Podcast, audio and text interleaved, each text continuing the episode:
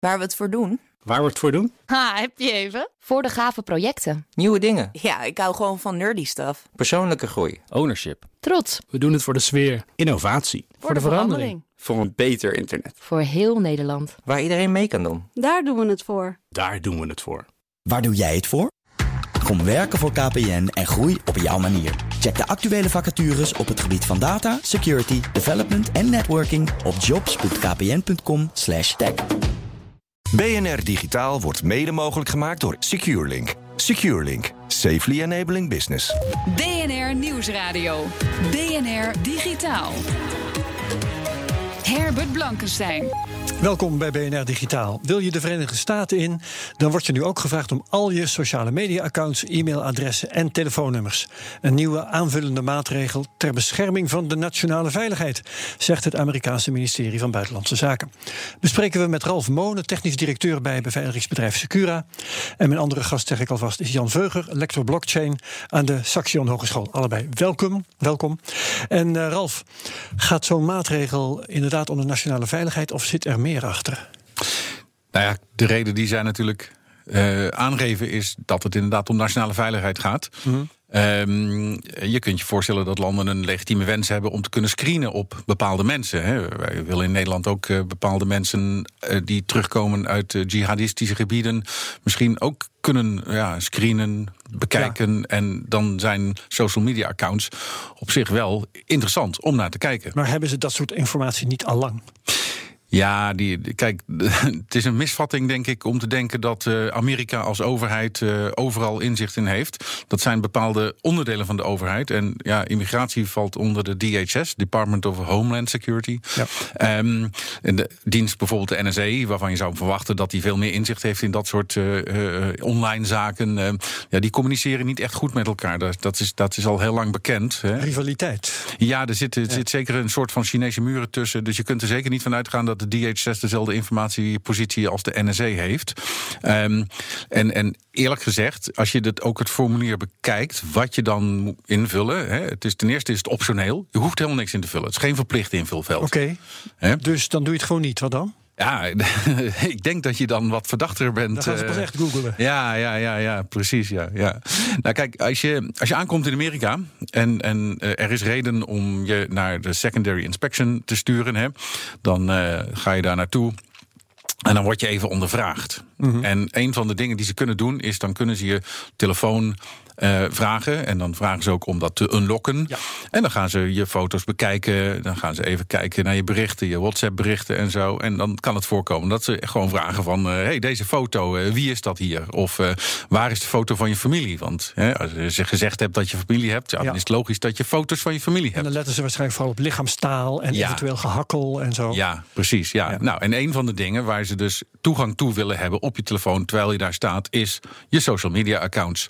En ja, dat kunnen ze daar ter plekke doen. Maar het is handiger voor hun als je dat van tevoren al aangeeft. Ja. Bovendien, dan kunnen ze checken of die accounts ook overeenkomen met wat je hebt opgegeven.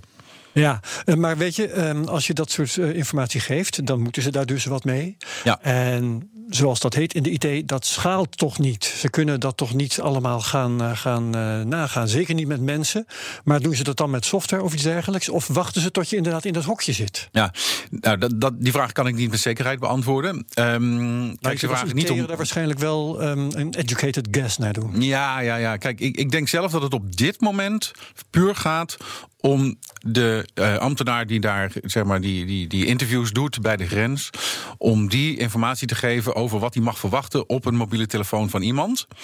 Um, maar de, de, ik denk niet dat het zo is dat ze nu met AI-algoritmes uh, over al die uh, social media die ze dan hebben gescraped okay. ergens met de publieke post die je gedaan hebt of zo, om dan jouw naam in te voeren om te kijken. Want dat, dat kunnen ze aan de hand van je naam ook al. Dat bedoel ik, ja. He, dus dat, is, dat, zal, dat zal het niet zijn. Ik ja. vermoed eerder dat het iets is van. Ja, we willen in de toekomst willen we social media accounts aan echte mensen kunnen linken. He, dat kunnen we nu slechter. Je kunt onder een andere naam posten. Een username ja. op Twitter zegt natuurlijk niets over je echte naam. En uh, ja, er kunnen redenen zijn waarom je over tijd ook iemand wil trekken hoe die zich door de social media heen beweegt. Ja. En, en wat betekent dit nou voor ons als uh, normale burgers? Hè? Uh, moeten we daar maar helemaal in meegaan? Of kun je bijvoorbeeld, zijn, zijn er uh, postings die je nu al uit je hoofd moet laten, veiligheidshalve, voor je eigen veiligheid? Of bijvoorbeeld dingen uit het verleden die je maar alvast moet gaan wissen, zoals je dat misschien in verband met je cv ook zou doen? Ja, um, uiteraard is het altijd gewoon een goed idee om niks online te zetten wat in de toekomst, nu of in de toekomst, ja, uh, ja mogelijk gênant kan zijn. Hè? En, en, maar ga er maar vanuit dat dat wel een keertje gebeurt. Ja, het is altijd beter om die post gewoon dan nog achteraf te verwijderen. Is het zo dat het daarmee. Maar welk soort dingen kunnen je in moeilijkheden brengen? Nou, ik denk. Bij, bij de autoriteiten, als je de Verenigde Staten ja, in wil. Ja, ja, nou, ik weet zeker dat dingen over drugs een probleem zullen kunnen gaan vormen. Uh, contacten met uh, landen uh, die de axis of evil, hè, dus Noord-Korea, Irak, Iran, Jemen, dat, dat soort landen. Ja. Hè, als je daar contacten hebt in je contactenlijst of daar posts, politiek gevoelige posts over hebt gedaan. En ik verwacht eerlijk gezegd ook dat als jij negatief uitgelaten hebt over Trump bijvoorbeeld op Twitter. ja, dat, dat, ja, ik bedoel zo, zo gaan ze wel tekeer tegenwoordig daar. Hè? Dat, is wel, een, ja, uh, dat ja, is wel een ding. Ik zou dat dan ook verwijderen. Juist, nou, dan heb ik een hoop werk te doen. Ja, precies. ik ook. Oké, okay, um, maar uh, om even het perspectief te veranderen. Nou ben ik, stel dat ik ben crimineel, uh, misschien zelfs terrorist. Kan ik dit wetend, um, even los van mijn accounts opschonen... maar kan ik me ook anders gaan gedragen om ervoor te zorgen... dat ik wel kan communiceren, maar toch onder de radar blijf? Um, ja, ik denk dat als je gewoon veilig wegblijft bij politieke of gevoelige zaken. Hè, en dan zeker politiek gevoelige zaken. Um, dat dat al een heel stuk uitmaakt. Kijk. Um, ik, ik, ik heb zelf ook niet altijd op alle social media mijn echte naam gebruikt. En dat heeft een reden. Want ik wil niet dat bepaalde dingen die ik in het. eigenlijk waar ik me niet eens echt voor schaam. of die gênant ja. zijn. maar gewoon, ik wil niet dat Geef alle informatie van mij ja. helemaal naar mijn persoon herleidbaar zijn. Ik vind dat niet nodig. Ja, en ik weet dat er bepaalde profielen over mensen worden opgebouwd. Niet alleen door Facebook, maar dus ook door inlichtingendiensten. Ja, en in mijn beroepssector is, dat, uh, is het verstandig om daar uh, ja, voorzichtig mee om te gaan. Dus dat, daar, daar heb ik, ik heb wel voorzorgsmaatregelen getroffen. Ja. Precies, dus, maar jou vertrouwen we natuurlijk volledig. Maar als je boze Uiteraard. bedoelingen hebt, dan kun je dat ook doen. Uh, ja, je kunt altijd een valse persona aannemen. Ja, iedereen kan dat. Het kost wel een beetje moeite soms op Facebook, maar het kan wel. Ja, ben je trouwens wel eens in problemen gekomen bij de Amerikaanse grens? Um, ik, ik, ben ooit een keertje de toegang geweigerd tot Amerika toen ik uh, over uh, Vancouver uh, naar Seattle vloog. Hoe zat dat? En um, nou ja, dat, dat, was gewoon een kwestie van iets verkeerd antwoord op een vraag geven. En toen dachten ze dat ik daar kwam om te werken. Dat was niet zo. Maar in het Nederlands zeg je: ik kom hier voor mijn werk. Ja. En als je dat letterlijk vertaalt, I've come here to work. Ja, dan heb je dus een probleem. Want dan heb je dus, dat kan dus niet op een, nou ja, vroeger op een, een visa waiver. En uh, tegenwoordig heb je dan het ESTA-programma, waar je dan uh, ja, feitelijk hetzelfde, maar een iets uitgebreidere pre-screening voor hebt. Maar ja, dus ik heb helaas een, een vinkje achter mijn naam. Dus ik kan ook niet in het ESTA-programma um, deelnemen. Dus ik, ik heb een visum voor Amerika, heb ik recentelijk aangevraagd. Ja, en gekregen ook. Oké, oké, oké. Ja, ja, door al te veel hoepeltjes ja, ja, ja, maar dat betekent wel dat je heel vaak naar secondary inspection wordt gevraagd. Waar je dit soort hoepeltjes moet doorspringen. Dus ik heb, uit, ik, ik heb persoonlijke ervaring met het moeten afgeven van bepaalde dingen bij de grens. En ja, het is, het is niet fijn. Hè. Ze, ze, kunnen best wel heel vervelende vragen stellen. En dat doen ze ook echt met een beetje een prikkeling om te kijken hoe je reageert. Ze proberen je echt uh, zeg maar bijna het bloed uit onder de nagels vandaan te halen om te kijken hoe rustig je blijft. Ja, ja, ja. ja. ja. Oké, okay, nou dan weten we dat ook weer. Um, Moeten we dit in Nederland allemaal maar goed vinden? Is er uh, geen uh, Nederlandse wet die ons beschermt of iets Europees? Nee, nee, ik, uh, ik, ik, nee dat, ja, je, ja, je hoeft niet naar Amerika. Ja. Dus het is jouw keus. Ja, ja dat zegt en, Amerika ook zo. Ja, precies. Ja, inderdaad. En, uh, maar wat ook wel belangrijk is, gaat dit dan daadwerkelijk de veiligheid van de Verenigde Staten vergroten? Is dit werkelijk een doelmatige maatregel? Ja, daar heb ik natuurlijk vrij grote twijfels bij. Um, kijk, het gaat erom dat ze mensen bij de grens willen kunnen screenen. En dat is uh, sinds, nou, sinds dat Trump aangetreden is, is het beleid om daar steeds strenger en steeds meer op te controleren. Dus het past wel helemaal in het beeld natuurlijk van immigratiebeleid van Amerika. Um, ja. En gaat het dan echt heel veel toevoegen? Nee, dat geloof ik niet. Nee. En ik las, ik weet niet meer in welk medium uh, online, um, alleen maar goede, want uh, sorry, een goede, want ik lees alleen maar goede, uh, dat, de, dat het contraproductief is in elk geval in de zin dat het mensen gaat, ervan gaat weerhouden om naar de Verenigde Staten te gaan en dat het dus de, de, de pool van talent waar de Verenigde Staten over kan beschikken vanuit het buitenland, dat het die gaat verminderen. Denk je, je zit ook in, dat, in het IT-vak waar vrij veel internationaal verkeer is, denk je dat het zo werkt? Nou, dat denk ik heel eerlijk gezegd niet. Hè? Want um, je vult gewoon in welke user jij bent op verschillende social media. Iets wat ja, over het algemeen toch al niet beschouwd wordt als een heel gevoelig item door de meeste gebruikers van social media. Ik denk dat er nou, misschien op een handjevol uh, heel erg privacygerichte mensen na uh, niemand minder naar Amerika zal gaan hierom. Nee. Oké, goed. Dan dank ik je wel, Ralf Monen van Secura. Blockchain zat de laatste tijd onder in de hypecycle. Er was vooral aandacht voor de mislukkingen. En toch lijkt de technologie nu volwassen aan het worden. Bespreken we zo. Nieuwsradio. BNR Digitaal. Welkom terug bij BNR Digitaal. Blockchain is lang beschouwd als een hype, maar het tij lijkt gekeerd. Grote organisaties houden zich er serieus mee bezig. Trendwatcher Vincent Everts organiseert de Blockchain Innovation Conference, waar grote bedrijven als IBM, Shell en KPN sprekers leveren. Over de stand van de blockchain-technologie gaan we nu praten met Jan Veuger, lector blockchain bij Saxion Hogeschool. Welkom. Goedemiddag. En ook Ralf Monen van Secura is nog bij ons. Um, Jan, kun jij in een paar zinnen samenvatten waar blockchain-technologie staat op dit moment? Nou, wat je eigenlijk ziet vanaf vorig jaar zomer tot, tot zeg maar, het afgelopen derde, vierde kwartaal, dat er vooral werd gehyped. Uh, dat zie zag je ook in de media, dus tot en met op de voorpagina van de Volkskrant. Um, maar wat je nu vooral ziet. Dus maar ja, doelt eh, tussen, als ik in de reden mag vallen, ja? dat was een publicatie in de Volkskrant en de correspondent, waarin juist werd gezegd dat uh, het met die blockchain allemaal zo vaart niet liep. Hè, en dat veel blockchain-toepassingen dat niet bleken te zijn. Als nee, je goed dat klopt. Kijkt. En het interessante is dat werd geput uit twee bronnen. Eentje was vanuit Berenschot, de andere was van uit een onderzoek waaruit de journalist uh, putte. Dus ik heb beide opgevraagd omdat ik dat vanuit mijn professie interessant vind. Ja. En dan zie je dat het uh, vanuit Berenschot één A4'tje was met een ecosysteem. En B, het onderzoek waarop zijn verhaal was gebaseerd uh, niet openbaar was. Nou, uh, dat stoort mij dan in die zin van denk van ja, dan inderdaad, dan is het een hype. Dus je vond die publicatie. Nou, hype. Uh, dan, dan, dan gebruiken we het woord hype, denk ik, anders. Ja. Uh, in mijn ogen was de, de hype-tijd was de tijd dat iedereen dacht: blockchain is geweldig, moeten we allemaal gaan doen. En dit was volgens mij juist de bodem van de hype-cycle, waarin iedereen op blockchain mocht schieten zonder dat het gevolgen had. Nee, maar, maar terecht. Dus als je dat, dat zo in, over de tijd heen kijkt, dan ja. is jouw conclusie ook juist. Ja.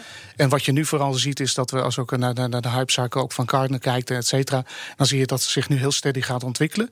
Dat het heeft eigenlijk in de afgelopen paar jaar ook al plaatsgevonden. Het is uh, uh, bij, ook bij de grote institutionele uh, organisaties is dat ook nog redelijk onder de radar gebleven, om dat zo te zeggen. Omdat ze natuurlijk ook willen kijken van wat is de effect hiervan. Dus enerzijds de techniek, anderzijds ook het betekent iets voor je business case. Dus als je nu naar de vier banken kijkt die hun eigen financiële systemen hebben en je gaat een alternatief nazetten als blockchain waarop ook een uh, currency uh, gezet kan worden, ja, dan betekent dat iets. Dus ik kan me heel goed voorstellen, dan zie je ook bij andere organisaties, je ziet het ook bij het uh, havenbedrijf in Rotterdam, je ziet het ook bij het kadaster, dat men dus low profile dat aan ontwikkelen is. Ja, voor allerlei verschillende, dat hoor ik al aan de voorbeelden die je noemt, allerlei verschillende soorten administratieve toepassingen.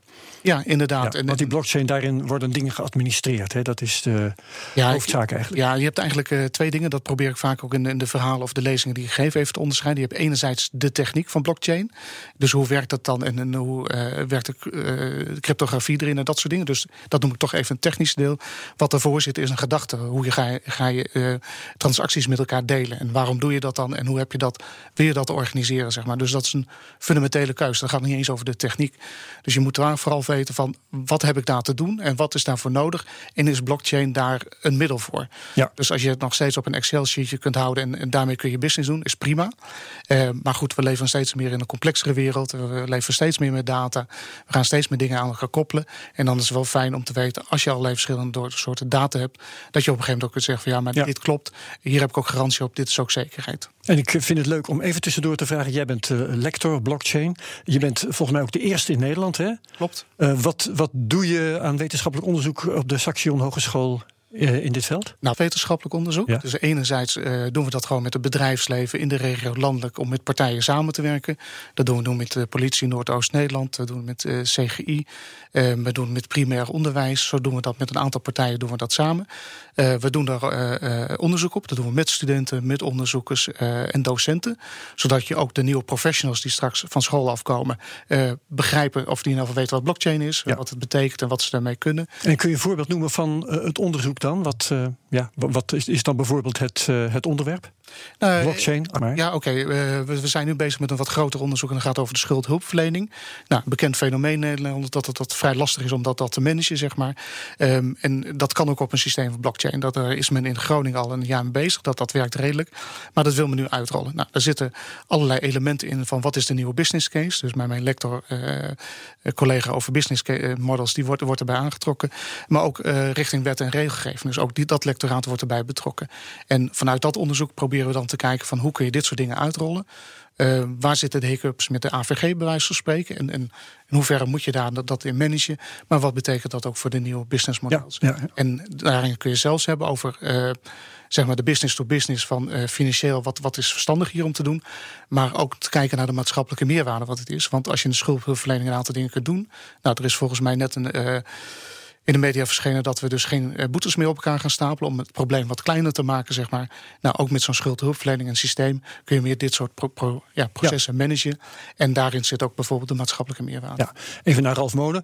Uh, jij hebt verstand van cryptografie en uh, op zijn minst enige belangstelling weet ik toevallig voor cryptovaluta. ja, ja, ja. Volg jij ook ja. de discussie over blockchain? Ja, zeker, absoluut. Uh, met, met, met heel veel interesse. En wat is jouw um, mening um, over de waarde van het instrument?